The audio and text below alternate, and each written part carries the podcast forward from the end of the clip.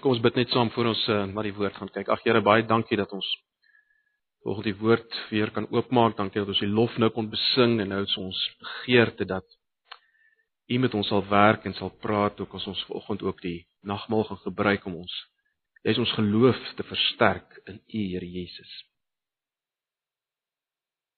Ons verwagting is van U, ons verlange is dat U met ons sal praat nou. Deur die woord en die werking van die Gees, ten spyte van wie ons in onsself is. Here, ons kom maar net op grond van ons posisie in U na U toe. In Jesus se naam. Amen. Nou ja, broers en susters, ons is steeds besig met Romeine.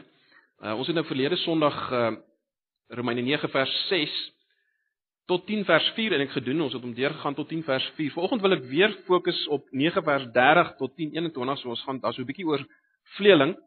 Ehm um, maar ek ek vertrou dit sal uh, sal duidelik word hoekom. So ons gaan lees vanaf 9 vers 30. Ek lees die 53 vertaling. Ehm um, Ek verkies maar vir al as ons met, as ons met Paulus werk om te bly by die die meer letterlike vir al die woord geregtigheid wat Paulus gebruik wat die nuwe vertaling gebruik uh, gebruik die woord vryspraak en ons half mekaar gesê geregtigheid soos Paulus dit gebruik. Ons het ook baie gebruike van geregtigheid in die Ou Testament. Ehm uh, dinge waarna dit verwys, maar Paulus se geregtigheid is die die geregtigheid waarna hy verwys is die gedagte is in 'n regte verhouding met God of 'n regte verbondsverhouding. En uh ek dink die die 83 vertaling se vryspraak is 'n bietjie 'n verskraling van daai wonderlike begrip. So dis hoekom ons maar verkies om die 53 vertaling te lees. Ek lees vanaf uh, hoofstuk 9 vers 30. Wat sal ons dan sê?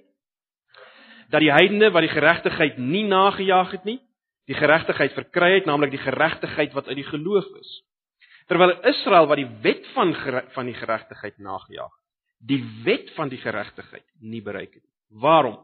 Omdat dit nie uit die geloof was nie, maar net asof dit uit die werke van die wet was want hulle het hulle gestamp teen die steen van aanstoot. Soos geskryf is, kyk ek lê in Sion 'n steen van aanstoot en 'n rots van struikeling en elkeen wat in hom glo sal nie beskaamd word. Broeders, dis hoofstuk 10 vers 1.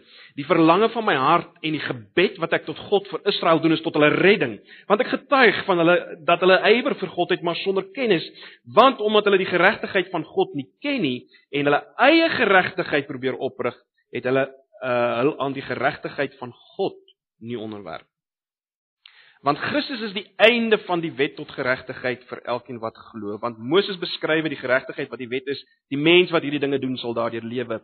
Maar die geregtigheid wat uit die geloof is, sê dit moenie in jou hart sê wie sal in die hemel opvaar, naamlik om Christus af te bring, of wie sal in die afgrond neerdal, naamlik om Christus uit die dode op te bring. Maar wat sê dit? Naby jou is die woord in jou mond en in jou hart. Dit is die woord van die geloof wat ons verkondig. As jy met jou mond die Here Jesus bely en met jou hart glo dat God hom uit die dode opgewek het, sal jy gered word. Want met die hart glo ons tot geregtigheid en met die mond bely ons tot redding. Want die skrif sê elkeen wat in hom glo sal nie beskaam word nie. Want daar is geen onderskeid tussen Jood en Griek nie. Dieselfde Here tog is Here van almal en is ryk oor almal wat hom wat hom aanroep. Want elkeen wat die naam van die Here aanroep sal gered word. Hoe kan hulle hom dan aanroep en wie hulle nie geglo het nie en hoe kan hulle in hom glo van wie hulle nie gehoor het nie? En hoe kan hulle hoor sonder een wat preek en hoe kan hulle preek as hulle nie gestuur word nie soos geskrywe is hoe lieflik is die voete van die wat die evangelie van vrede verkondig van die wat die evangelie van die goeie verkondig. Maar hulle was nie almal gehoorsaam aan die evangelie nie want Jesaja het gesê Here weet ons prediking geglo die geloof is uit die gehoor en die gehoor is deur die woord van God.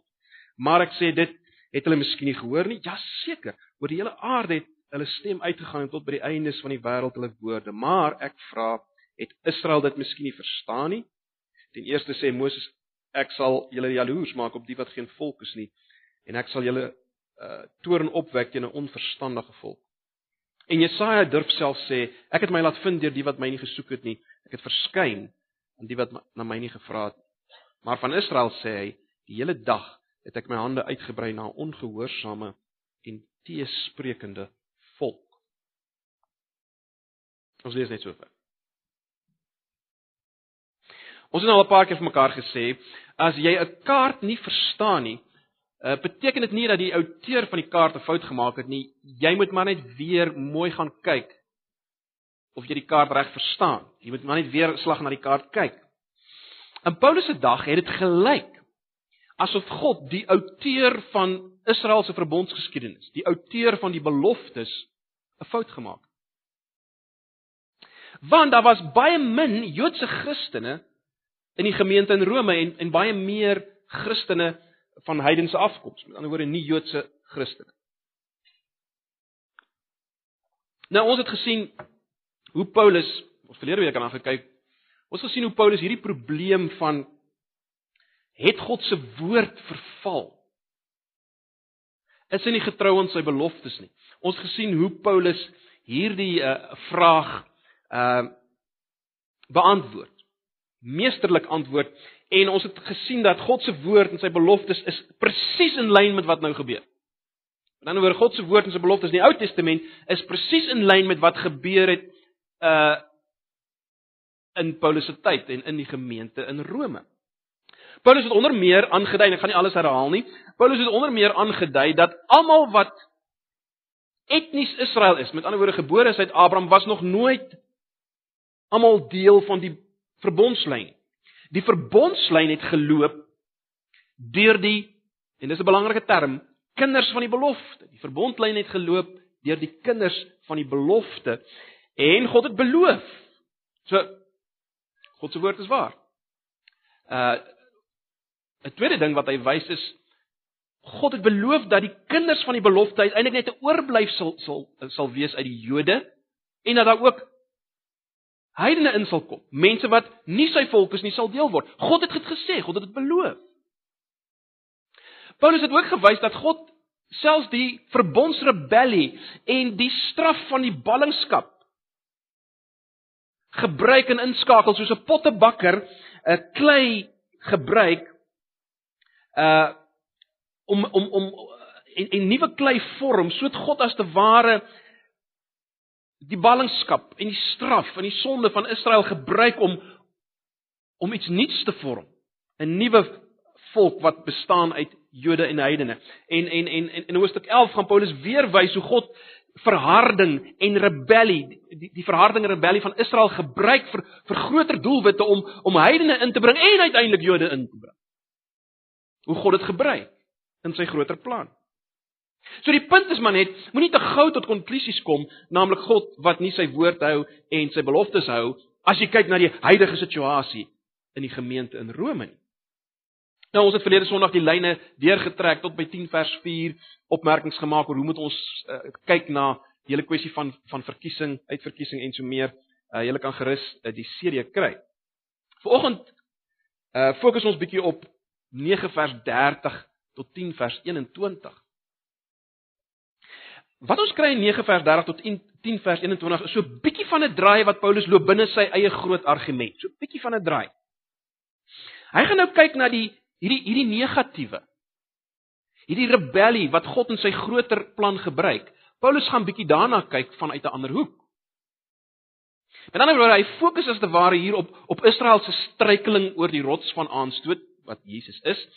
Uh en hy kyk wat het gebeur uit 'n menslike hoek? Wat het hier gebeur uit 'n menslike hoek gesien? Ja, natuurlik. God het hierdie verharding gebruik. God het selfs hierdie ja, hierdie hierdie struikeling oor die oor die rots Jesus het God gebruik vir 'n doel. Ons gaan dit in vers 11 baie mooi sien.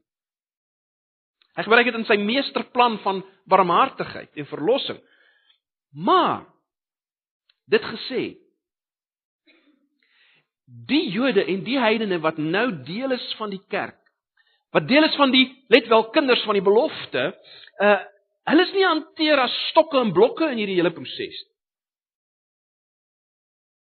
Hulle het nie maar net outomaties deel geword van die kerk van Jesus of outomaties nie deel geword van die kerk van Jesus van die dag nie. So dis waarna Paulus bietjie kyk hier. Kom ons dink net eers oor wat hy sê oor die nie Jode, die heidense Christene in vers 30. Paulus sê hulle het nie 'n geregtigheid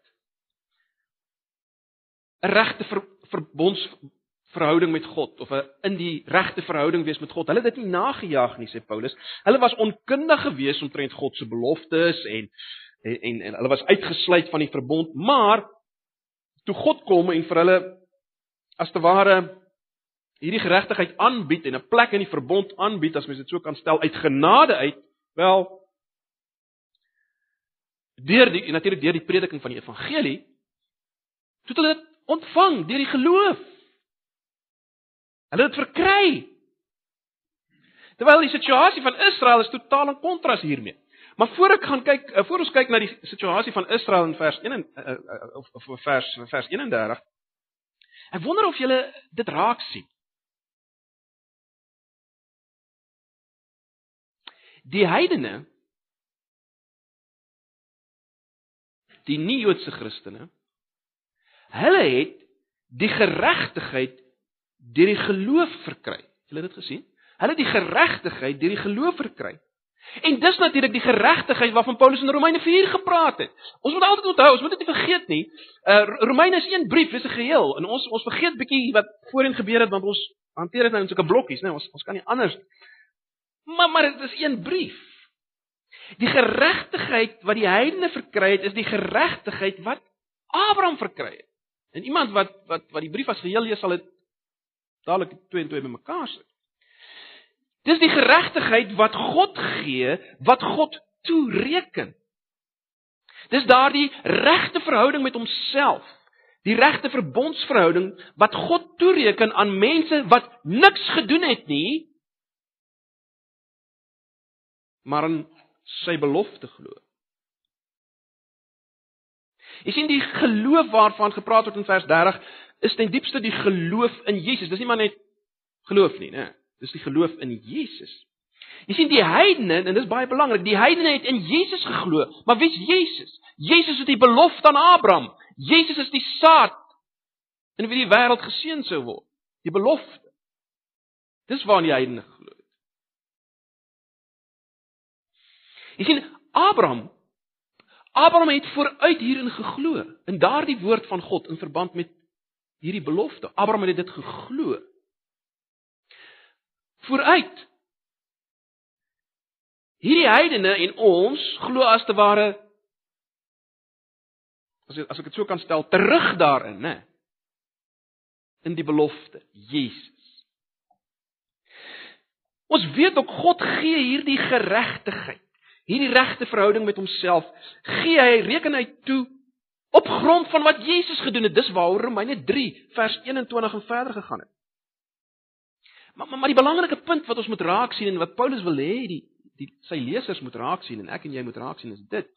Heidene, nie Joodse Christene het ware kinders van Abraham geword. Hulle het kinders van die belofte geword.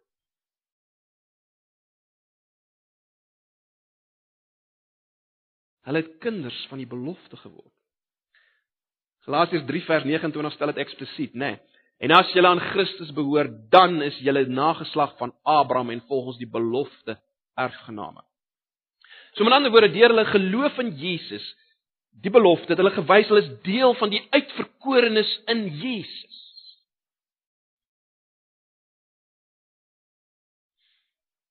Maar wat van Israel? Dis waarvan Paulus praat in vers 31. Nou, Paulus praat natuurlik nou hier van Israel as te ware in die algemeen. Uh, dit beteken nie daar was nie Jode wat Christene was nie. Daar was, ons weet dit uit Hoofstuk 11 gaan ons dit sien, maar daar was so min gewees dat uh so min gewees in die lig van al die beloftes wat gemaak is aan aan volk dat Israel dat dat, uh, dat Paulus as te ware kan praat van die mislukking van Israel in die geheel. So mens moet dit maar net onthou. Nou, as mens daarna kyk, uh mense sou verwag dat Paulus nou 'n netjiese kontras sou trek met die heidene. Met ander woorde, mense sou verwag dat Paulus sou sê, wel Israel het die geregtigheid nagejaag, maar dit nie verkry nie. Onthou hy het gesê die die Jode het die geregtig ag die die die heidene en die geregtigheid nie ja, nagejaag nie, maar dit gekry. Mense sou verwag dat Paulus sou sê die Jode het die geregtigheid nagejaag, maar dit nie verkry nie, maar dis nie wat hy sê nie. Kyk wat sê hy in die letterlike vertaling. Hy sê hulle het 'n wet van geregtigheid nagejaag. En hulle het misluk om dit te verkry of te bereik. Daardie wet van geregtigheid, hulle het dit nie bereik nie. Jy sien die punt is dit en ons moet dit raak sien. Die Jode het nie die geregtigheid van Romeine 4 nagejaag nie. Hulle het 'n ander geregtigheid nagejaag. Hulle het nie die geregtigheid wat God gee deur die geloof nagejaag nie. Hulle wou as te ware in die regte verhouding met God kom deur die werke van die wet, die ou verbond te doen en na te kom sonder geloof in God se belofte. Wat ons nou weet is uiteindelik Jesus. En jy sien God het nooit so geregtigheid beloof nie. Nooit nie. En ons weet hulle het in elk geval misluk om in die regte verbondsverhouding met God te staan. Hulle kon dit hulle kon hierdie geregtigheid wat hulle nagejaag het ook nie bereik nie. Met ander woorde, ons kan sê hulle het in die eerste plek nie die geregtigheid van God van Romeine 4 bereik nie en hulle het ook nie die wet van geregtigheid wat hulle vir hulle self daar gestel het, het hulle ook nie bereik. Hulle het ook misluk. En en is natuurlik te verstaan dat hulle misluk het om dit te bereik want luister bietjie net na Romeine 4 vers 13 en 14 weer. Jy kan dit naslaan as jy wil, anders kan jy maar net luister. Romeine 4 vers 13 en 14 klink so.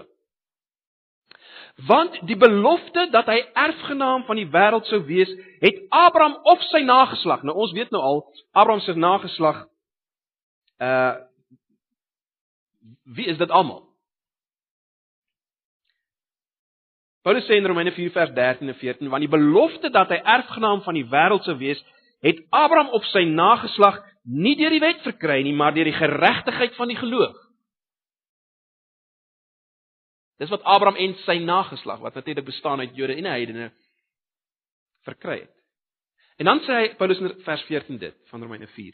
Want as hulle wat uit die wet is erfgename is, dan het die geloof waardeloos geword en die belofte tot niet geraak. Jy sien God se belofte kan nie tot niet raak nie. En daarom kan Galasiërs 3 vers 17 sê, kyk, die wet het 430 jaar na Abraham gekom, maar daardie wet, die hele ou verbondstelsel, kon nie die belofte aan Abraham tot niet maak. Jy sien God het nie eweslik 'n nuwe plan ontwerp nie, naamlik uh julle kan nou deur wetsonderhouding gered word of in geregtigheid bereik. En God het dit nooit gedoen nie. Hy het nooit afgesien van sy aanvanklike belofte nie. En dit is belangrik om te verstaan. In vers 32b tot 33 wys Paulus op 'n ander manier hoe Israel die verkeerde geregtigheid as te ware eh, eh, gesoek het. Hy hy hy praat op 'n ander manier daarvan. Hy teken die prentjie van iemand wat stap en so konsentreer as ek dit so kan stel Hy hy konsentreer so om sy sy doel te bereik of wanneer toe hy op pad is dat hy nie sien dat daar 'n steen in sy pad lê en dan struikel hy daaroor. Hy sê die Jode was so.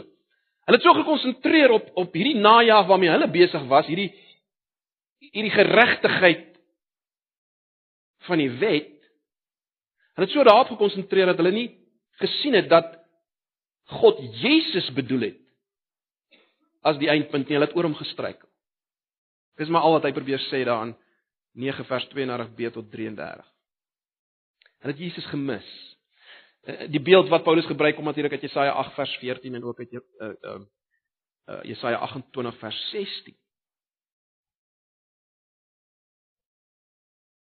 Dis die dis die rots van struikel. Maar Paulus sê almal wat in hom glo sal sal nie beskaam word. Mense sien hulle het nie.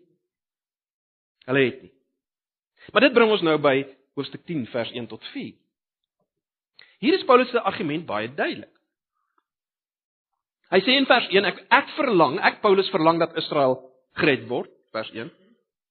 Ek doen dit, met ander woorde ek verlang dat hulle gered word want hulle het 'n ywer vir God, maar sonder kennis, vers 2. Dit word gesien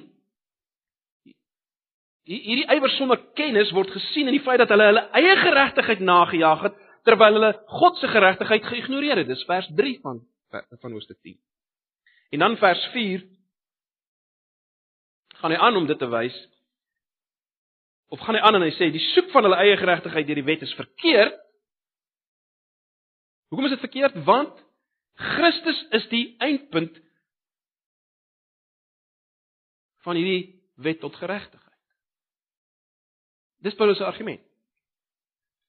Ek verlang dat Israel gedoen uh, gered word. Ek doen dit want hulle het ywer vir God maar sonder kennis, soos gesien in die feit dat hulle hulle eie geregtigheid najag terwyl hulle God se geregtigheid geïgnoreer het, geïgnoreer het en die soek van hulle eie geregtigheid deur die wet is verkeerd want Christus is die einde van die geregte wet tot geregtigheid vir elkeen wat glo. Nou die die die, die hoofpunt maar net weer hier in vers ehm um, in, in hierdie verse uh vers 1 tot 4 is is is dieselfde as as in die vorige gedeelte. Die kontras is weer tussen hierdie twee soorte geregtigheid. Hulle eie geregtigheid en God se. Dis weer die kontras, sien julle? Net wat wat Israel se ywer betref, Paulus sê nie hulle ywer was verkeerd nie. Die feit dat hulle ywer gehad het, nie hy hy, hy sien dit eintlik as 'n goeie ding, maar maar sien hierdie hierdie ywer van hulle was nie onder beheer van kennis nie. Met ander woorde, hulle het nie verstaan dat God nou vir hulle 'n regte verhouding met homself, 'n regte verhouding, 'n regte verbondsverhouding as jy wil, aanbied deur geloof in Jesus nie. Hulle het dit nie raak gesien. Hulle het nie raak gesien dat Jesus Christus is die eindpunt van die verlossingsgeskiedenis. Hy is die eindpunt van dit wat God aan Abraham beloof het. Hulle het dit nie raak gesien. Hulle het dit nie raak gesien. En daarom het hulle hulle daarom het hulle hulle eie manier van om in die regte verhouding met God te wees nagejaag.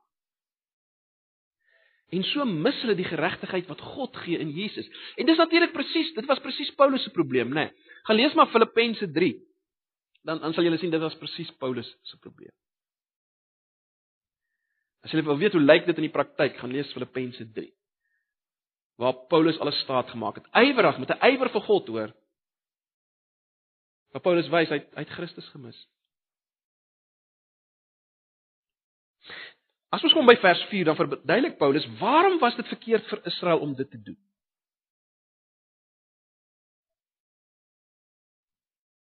Hy wys dat hierdie najag van 'n geregtigheid wat gebaseer is op die werke van die wet, mis die hele punt want die era van die wet het geëindig. Daardie era is verby. Jesus het 'n einde gebring aan die geregtigheid. Uh, of laat ek so sê, Jesus het 'n einde gebring en en en geregtigheid, reg 'n regte verhouding met God, 'n reg regte verbondsverhouding is nou vir elkeen wat in hom glo. Jesus is die einde van die wet wat natuurlik 'n hele paar dinge beteken. En ons het al daarna gekyk. In die eerste plek het Jesus kom doen wat die wet nie kon doen nie. Ons ons het dit gesien in Romeine 8 vers 1 tot 3, né? Jesus het kom doen wat die wet nie kon doen nie. Jesus het met sonde klaar gespeel. Die wet het geen antwoord gehad op sonde.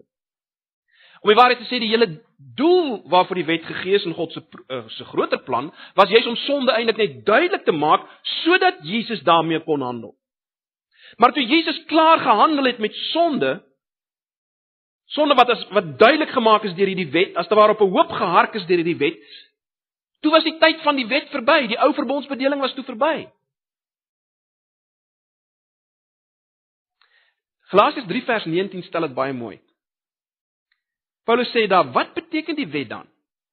En dan sê hy, dit is bygevoeg weens die oortreding totdat die saad aan wie die belofte gedoen is sukkel. Jy sien die wetsbedeling, die tyd van die wet was tot op Jesus en dit is verby.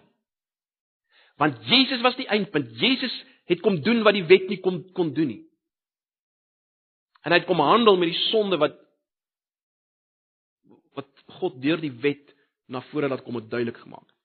Jesus is die einde van die wet. Mens kan sê Jesus open 'n nuwe fase in die verlossingsgeskiedenis. Daar is nog steeds een verlossingsgeskiedenis, maar daar's 'n nuwe fase. Waar God nou in 'n regte verhouding mense met homself stel ook uit ander nasies as die Jode. Jy sien geloof in Jesus sonder werke is die manier hoe jy nou hierdie in die regte verhouding met God ontvang. En en natuurlik is dit die manier hoe Abraham dit ontvang het voor die wet gekom het. Hierdie regte verbondsverhouding. So dis Vers 4. Jesus is die einde van die wet tot geregtigheid. In Hoofstuk 5 tot ag in in in vers 5 tot 13 brei Paulus nou uit. Hy brei uit op hierdie uh punte wat hy in basies twee punte wat hy in vers 4 gemaak het. In die eerste plek brei hy uit op die punt dat Christus eindig die era van die wet en maak 'n nuwe uh of of wat ek so sê, hy maak nou 'n 'n 'n ware geregtigheid beskikbaar deur die geloof. Dis die een ding. En die ander ding wat hy wys is dat dis nou beskikbaar vir enige een wat glo. Dis wat hy wys in vers 11 tot 13. So in vers 5 tot 10 fokus hy op hierdie feit dat Jesus die einde is van die wet en dat hy 'n geregtigheid beskikbaar stel vir die wat glo en dan wys hy dis vir elkeen wat glo in vers 11 tot 13. Vers 5 tot 6 is interessant, né? Nee. Hier vind ons nou Paulus wat 'n kontras maak tussen die twee tipes geregtigheid. Jy sal sien die wet van geregtigheid soos hy dit noem in vers 31 en die eie geregtigheid waarvan hy praat in vers 3 van Hoofstuk 10 word nou beskryf as die geregtigheid deur die wet.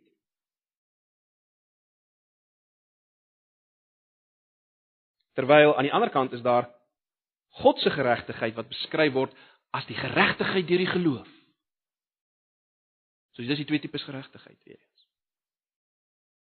Maar nou baie interessant, wat Paulus nou kom doen is hy identifiseer elkeen van hierdie twee tipes geregtigheid. Deur die Ou Testament te gebruik. Hy haal Levitikus 18 vers 5 en Romeine 10 vers 5 aan. Uh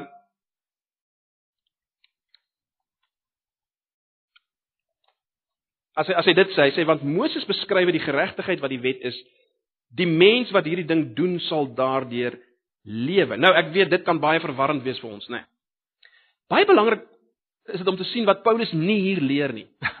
Want mense kan maklik die fout maak. Paulus leer nie hier dat Moses hier geleer het dat God se geregtigheid, die ware geregtigheid, hierdie tweede tipe geregtigheid wat dan ook ewige lewe sou insluit, ewige verlossing van sonde sou behels. Moses leer nie dat dit verkry word deur die dinge van die wet te doen nie. Dis nie wat Moses leer nie. Wat dan natuurlik sou impliseer dat God so geregtigheid voorgestel het, maar God het dit nooit gedoen nie. Dit is baie belangrik om dit te verstaan. Jy sien, Levitikus 18 vers 5 gaan natuurlik oor heeltemal iets anders.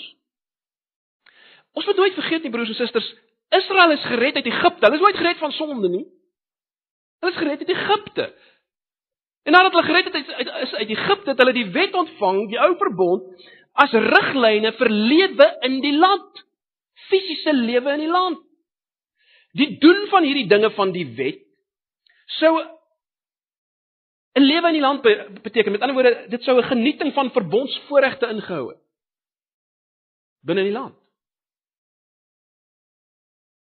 So dis baie belangrik. En en hier en Moses was heeltemal korrek om dit so te stel in Levitikus 18 vers 5. Wat is die punt wat Paulus wil maak deur dit te gebruik? Wel, Paulus wil sê die geregtigheid wat die Jode nou najag is gebas, is gebaseer op hierdie beginsel wat deur Moses uitgelig word, naamlik dis afhanklik van die doen van dinge. Hierdie hierdie kom ons noem dit die eerste tipe geregtigheid wat hulle nagejaag het, hierdie eie geregtigheid kan per definisie net verkry word as jy dinge doen. Maar in kontras met daardie wetlike geregtigheid is die geregtigheid deur die geloof. In kontras daarmee. En nou is dit baie interessant. Paulus gebruik nou beeldspraak. Uh verder hier in vers 5 en 6 of van vers 6 af. Uh wat hy as te ware doen, hy plaas mens kan amper sê Deuteronomium 9 vers 4 en Deuteronomium 30 vers 10 tot 14 plaas hy op die lippe van hierdie tipe geregtigheid. As as mens dit so kan stel. Hy plaas daai twee gedeeltes op die lippe van hierdie tipe geregtigheid asof hierdie geregtigheid so praat, né? Nee. En die die algemene punt wat hy wil maak is redelik duidelik.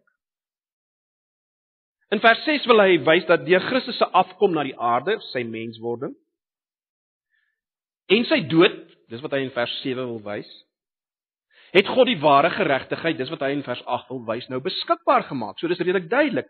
Uh ek en jy hoef nie op te vaar na die hemel of neer te daal na die dieptes van die see om hierdie in die regte verhouding met God te ontdek nie.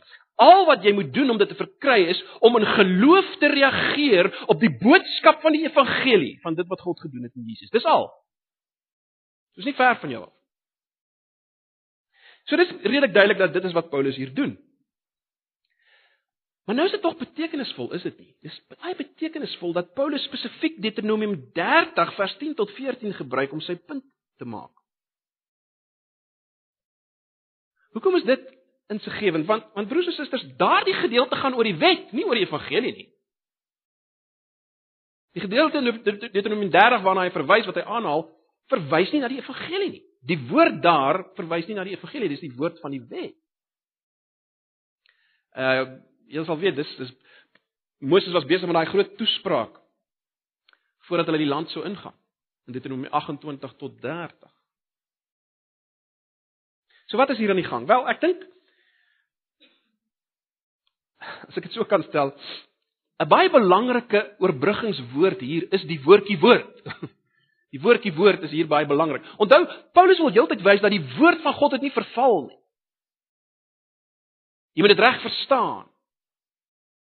Jy moet dit nie sien. En dis presies wat hy nou hier doen.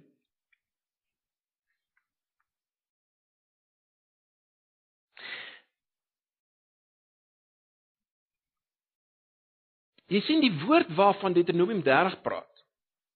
Die woord van God daar is die woord van die ou verbond.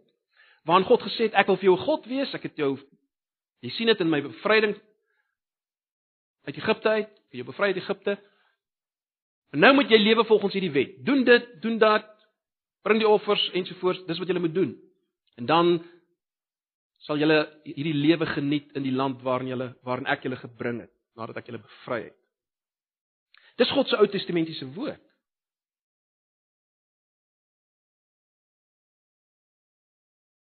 Maar nou is God se woord. Onthou julle Hebreërs 1 vers 1 en 2? In die verlede het God baie keer op baie maniere gespreek. In die laaste dae het hy tot ons gespreek deur die Seun. Jesus is God se laaste woord. Jesus is God se laaste woord en dit is baie belangrik. In Jesus kom God meer as ooit sê ek wil vir jou God wees en jy sien dit in wat ek vir jou doen aan die kruis. Maar meer nog jy kon nie my volk wees en en leef volgens hierdie voorskrifte nie. Ek het dit ook nakom in jou plek. Dis God se woord in Jesus. Jesus het dit nagekom. Maar meer as dit, ek het ook die straf gedra vir jou verbreeking van daardie woord. Ek is God se finale woord. Ek is die inhoud van die nuwe verbond. Ek het die wet vervang. Die ou verbond. Ek is die nuwe woord van God. En hierdie woord sê Paulus is is nou nog nader. Dis dis is baie meer genadig as die eerste woord. Die eerste woord was al 'n groot stuk genade van God aan Israel. Maar hierdie laaste woord is meer genadig. En hierdie laaste woord is is nog meer in jou. Soos Jeremia 31 beloof het. Die wet sal in ons harte wees. Dis Christus wat in ons binneste is deur die geloof. So dis baie belangrik om dit te sien. Dis die kontras wat Paulus wil maak. En die woordjie woord is belangrik want Paulus wil wys God se woord het nie verval nie. En ons moet hierdie nuwe woord net glo. Glo dit. Vat dit. God se laaste woord in Jesus. Dis geweldig. Al wat Paulus doen in vers 9 tot 10, 9 tot 10, ek wil nie lank op stil staan nie. Hy hy verwys na die aanhaling van mond en hart uit Deuteronomium 4 en hy sê die mond en die hart moet weer betrokke wees, is weer betrokke by hierdie ontvang van die nuwe geregtigheid. Hy probeer nie daarmee sê en, en dis soos ek het uh, gehoor het toe ek 'n kind was, was daar so lyn gewees wat die ouens gesê het, ja kyk, is goed en wel jy jy jy jy, jy, jy, jy gee jou lewe vir vir die Here Jesus, maar jy moet onmiddellik begin getuig, want hierdie gedeelte sê met ons mond bely ons uh, tot verlossing en so aan. Maar dis natuurlik waaroor dit hier gaan nie. Dis 'n een eenheid, né? Al wat Paulus wil doen, hy hy wil weer eens wys daai daai woorde van Deuteronomium. Daai begrippe, die die mond en die hart is betrokke by die regverdigmaking deur die geloof. Dis ons nou hierdie nuwe verlossing, bevryding verkry. Ons ons geheel is betrokke, ons hart, ons mond en so meer. Alles waarvan Deuteronomium praat. Dan in vers 11 al wat Paulus daar doen is om as te ware te bevestig dit wat hy in vers 10 gesê het en te wys dat vertroue in Jesus, geloof in Jesus sal vryspraak in die oordeel beteken. Hoekom sê ek so? Uh kyk net na vers 11. Ah, oh, is vers 11 nou. Ehm um, sê die wat glo sal nie beskaamd staan nie, né? Nee. Ja. Want die skrif sê elkeen wat in hom glo sal nie beskaam word nie. Nou, ek wil net 'n vinnige opmerking daaroor maak. Uh die begrip, die begrip in die Ou Testament sal nie beskaam word nie. Jy sal nie in die skaamte kom beskaam word nie. Verwys eintlik na na die oordeel, né? So wat Paulus wil doen deur die aanhaling van hierdie gedeelte is om te sê of om te bevestig weer eens dat elkeen wat in hom glo, in die hom waarna hy verwys is die steen, Jesus, want uh die hele aanhaling kom uit eintlik uit Jesaja 28 vers 16. So wie in hom glo, sê Paulus, sal nie uiteindelik in die oordeel beskaam word. Dit is die gedagte. So vers 11 is 'n oorgang uh vanaf vers 10. Maar meer nog, hy kom wys ook in vers 12 gaan hy verder en hy hy wys dat ehm uh, of hy bevestig weer eens daar's geen onderskeid. sien julle dit vers 12? Daar's geen onderskeid tussen Jood en Griek nie. Dieselfde Here is tog Here van almal en is ryk oor almal wat hom aanroep. So Paulus bevestig weer eens uh die feit dat daar nie meer skeiding is tussen Jood en Heiden nie. Dis iets wat hy natuurlik baie wys, né? Nee, Daar's geen skeiding meer tussen Jood en Heiden nie. Dis opgehef deur die evangelie. Dis opgehef deur die evangelie. As hy in vers 13 bevestig en sê want elkeen wat die naam van die Here aanroep sal gered word. Uh hulle aan uit Joel uh 2 vers 32 en en baie interessant daar wy, die, die die feit dat hy dit aanhaal wys dat die Christene in Paulus se dag het geglo dat Jesus is die Here. Jesus is Jahwe, die God van die Ou Testament. So dis belangrik.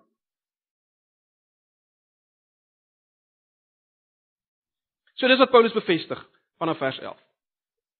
Almal wat die Here aanroep sal gered word. Daar's geen onderskeid tussen Jood en heiden nie. So het nie die Jode verwerp nie. Hulle moet hom ook aanroep. En dan wat hy kom doen in vers 14 tot 21 en ek gaan net baie vinnig daarna verwys. Wat hy doen in vers 14 tot 21 broers en susters is bloot om te wys dat die Jode geen verskoning nie. Jy sien Paulus kom wys in die eerste plek dat hierdie aanroep van die Here waarvan hy in vers 13 gepraat het kan net plaasvind as iemand in Jesus glo. Maar sê Paulus, iemand kan net in Jesus glo as hy die woord van die evangelie gehoor het. En iemand kan net die woord van die evangelie hoor as daar iemand was wat gepreek het. Met ander woorde, die evangelie woord verkondig het en iemand verkondig die evangelie woord as hy gestuur is. En wat Paulus se punt is is dit. Daar is mense gestuur. En die evangelie woord is verkondig. God het bekend gemaak. God het dit geopenbaar aan die Jode. Hulle het geen verskoning nie. Die rede hoekom hulle nie gered is nie is nie omdat hulle nie uitverkies is nie. Dis omdat hulle God se woord verwerp het wat na hulle toe gekom het in Jesus. Dis die punt van vers 14 tot 21. God het as ware sy hande uitgebrei na 'n volk wat heeltyd sê nee, ons wil jou nie hê nie, ons wil jou nie hê nie. Dis die punt wat Paulus wil maak. So uit 'n as mens dit so kan stel uit 'n menslike hoek, dis wat gebeur. Dis hoekom daar so min Joodse Christene nou sit in die gemeente. En nou kan jy verstaan hoekom Paulus se begeerte is dat meer gered sal word. Hoekom hy bid vir hulle. Want hy verstaan wat het gebeur. Hy het verstaan hoe hierdie verkeerde geregtigheid nagejaag. Nou ja. Kom ons bring dit net 'n bietjie nader aan onsself want mense kan dit eh, mense mens kan maklik dit ver weg van jouself hou. Eh, eh, ek wil net 'n paar vinnige opmerkings maak. Die eerste punt is maar net dit. Ek hoop julle sien hoe belangrik dit is om hoofstuk 9 tot hoofstuk 11 as 'n eenheid te lees. 'n Mens kan maklik as jy as jy net hoofstuk 9 lees, kan jy maklik onder die indruk dalk kom dat God mense maar net bloot soos pionne rondskuif op 'n skaakbord. En uh dat mense eintlik geensins betrokke is in wat God doen nie. Maar die oomblik as jy hoofstuk 10 en 11 lees dan sien jy wag wag wag. Mense is absoluut betrokke, né? Nee, so dis belangrik om dit as 'n eenheid te lees. 'n Volgende punt is dit. Dis so belangrik dat ek en jy na ongeredde mense sal kyk met die oë van Paulus of met die oë waarmee Paulus kyk na ongeredde mense. Ons het verlede Sondag daarna verwys, mens sien dit hier weer. Paulus se gebed en sy verlange van sy hart is vir die redding van sy mense. Hy redeneer nooit, ag almal van hulle is ek nie uitverkies nie, so ek ek ek kan ek kan nie vir almal bid en glo dat hulle almal gered gaan word nie. Nee nee, dis nie wat hy sê nie. Sy begeerte is absoluut vir die redding van sy mense. Jy sien, hy het geweet, Paulus het geweet en ons het dit gesien. Hy het geweet God het nog altyd verkiesend te werk gegaan. Hy weet die verbondslyn het nie net almal geloop nie, maar deur die kinders van die belofte, maar jy sien Paulus het verstaan dat Jesus is die eindpunt van die belofte. Wat aan Abraham gemaak is. En daarom is almal wat in hom glo nou kinders van die belofte. Paulus het dit verstaan en ek weet nie of ons dit altyd verstaan nie. En daarom kan die min-Israeliete wat op daardie stadium toe Paulus in in Rome was, die min-Israeliete wat op daardie stadium in die gemeente van Rome was, daardie situasie kon omgekeer word. Kon omgekeer word as hulle glo. Hy het nie maar gesê ag, dit is nou maar seker so. God het seker nou maar net ou paartjies uitverkies en dit sal nou maar so bly. Nee. Hy het verstaan. Hulle kan glo in Jesus, die steen van ons toe. En as hulle glo, kan hulle uiteindelik die saad van Abraham word. En natuurlik het hy geweet, Paulus het geweet dat jy sien ten diepste dat die belofte wat God aan Abraham gemaak het nie verval het. En wat was die belofte aan Abraham? Dat in jou saad sal die hele wêreld geseën word. En dit is hoekom Paulus sy lewe kon gee om die wêreld te bereik met die evangelie. Dis die enigste ding. Want hy het geglo dat God se woord is waar. God wil die wêreld seën. Hy, hy was oortuig van dit. Dis hoekom hy dis hoekom hy oral die evangelie verkondig het. Jy sien, Paulus het nooit vrede gemaak met min mense wat gered is nie. Nooit.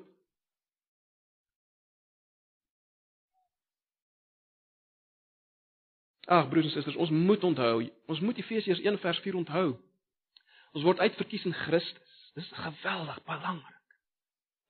En ons moet nooit as in ons denke rondom mense en mense wat nie gered is nie, ons moet nooit ons moet nooit met uitverkiesingsoë as te ware kyk en dink daar's iewers 'n geheime lys van name agter Jesus. Nee, selfs Calvin het gesê Jesus is die spieël van die uitverkiesing.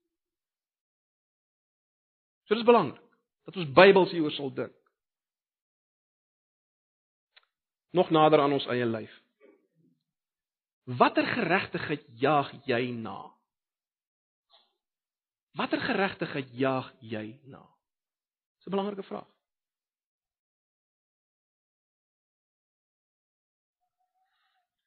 Hoe probeer jy in die regte verhouding met God kom? Probeer probeer jy dalk op 'n manier in die regte verhouding met God kom wat hy nie beloof het nie. Goeie dinge ja. Dinge soos Bybelstudie. Gee van 'n groot groot bydrae. 5 uur opstaan vir stilte tyd. Wonderlike dinge. Maar dis nie hoe jy in die regte verhouding met God kom nie. Het jy al gekom? Het jy al in Jesus gekom? Dis die groot vraag. Dalk is iemand wat nog staat maak op die feit dat jy mooi leef. Jy jy rook nie, jy drink nie, jy slaap nie rond nie, jy lees baie geestelike boeke. Dis nie die geregtigheid wat God beloof nie, die geregtigheid deur die geloof.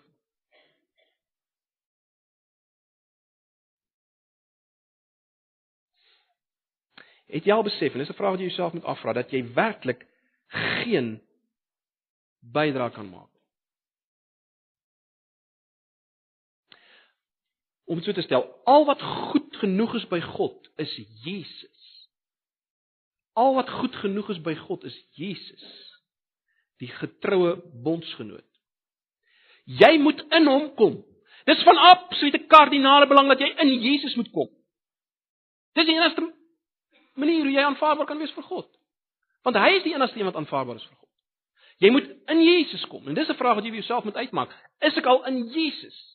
Hoe kom ek in Jesus? Wel,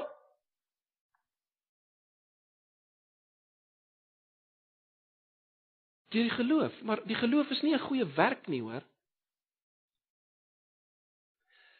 Geloof is absolute oorgawe. Dis liande. Nothing in my hands I bring. Klou net vas aan Jesus. Wie hy is vir my. Dis die enigste manier. Kan niks bydra nie. Daar Romeine 4 vers 5. God red nie goeies nie. God red nie ouens wat meer probeer het en bietjie beter al is nie. God red goddeloses wat glo in Jesus. Dis die enigste manier hoe jy gered word. Goddeloses wat alleen op Jesus vertrou.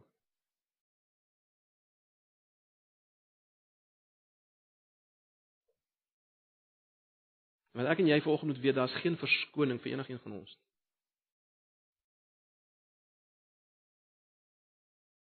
Daar's geen verskoning nie.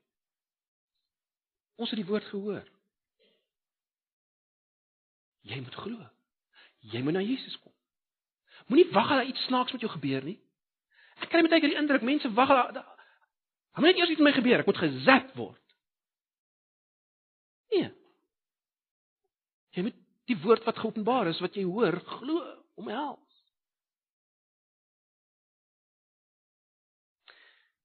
'n Laaste, net 'n laaste punt. Besef ek en jy al dat die enigste manier waarop mense tot redding kom is deur hierdie woord te hoor die woord van God in Jesus, die evangelie jy wil. Dis die manier hoe mense gered word. Mense word nie van self gered nie. Mense word nie van self gered nie. Hulle moet die woord hoor op 'n of ander manier. Ek sê nie hulle moet noodwendig in 'n situasie soos nou sit en die woord hoor nie, maar hulle moet die woord hoor, die evangelie woord, hulle moet dit hoor. Hulle moet dit glo in die Here aan. Maar om dit te kan doen, moet daar mense wees wat hierdie woord bring en en en, en broers en susters, dis hoekom Paulus heel aan die begin, heel aan die begin, in Romeine 1 vers 14, het hy gesê, ek skuld mense dit. Ek skuld mense hierdie boodskap. Ek is 'n skuldenaar. En as ek en jy dit verstaan, dat dis die manier hoe mense gered word. Ons skuld mense dit. Ag, mag die Here ons beweeg om betrokke te raak op een of ander manier een of ander manier by die verspreiding van hierdie woord want dis hoe mense gered word. Dis hoe mense gered word. Nie van self. Ag mag die Here ons help om hierdie woord te omhels en te vat. Kom ons bid saam voor ons nagmaal gaan gebruik. Ag Here baie dankie vir die woord. Dankie vir hierdie wonderlike beloftes hier. Dat as ons U aanroep, dat ons gered sal Dankie dat ons nie hoef te wonder of ons uitverkies is nie, maar dat ons na Jesus moet gaan. Ag, Here. Ek bid vir elkeen wat hier sit. Ons nooit onseker hieroor sal wees.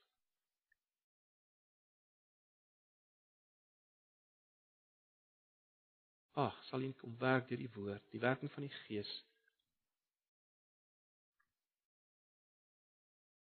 Hierdie woord so gebruik. Asseblief, ons vra dit in Jesus se naam.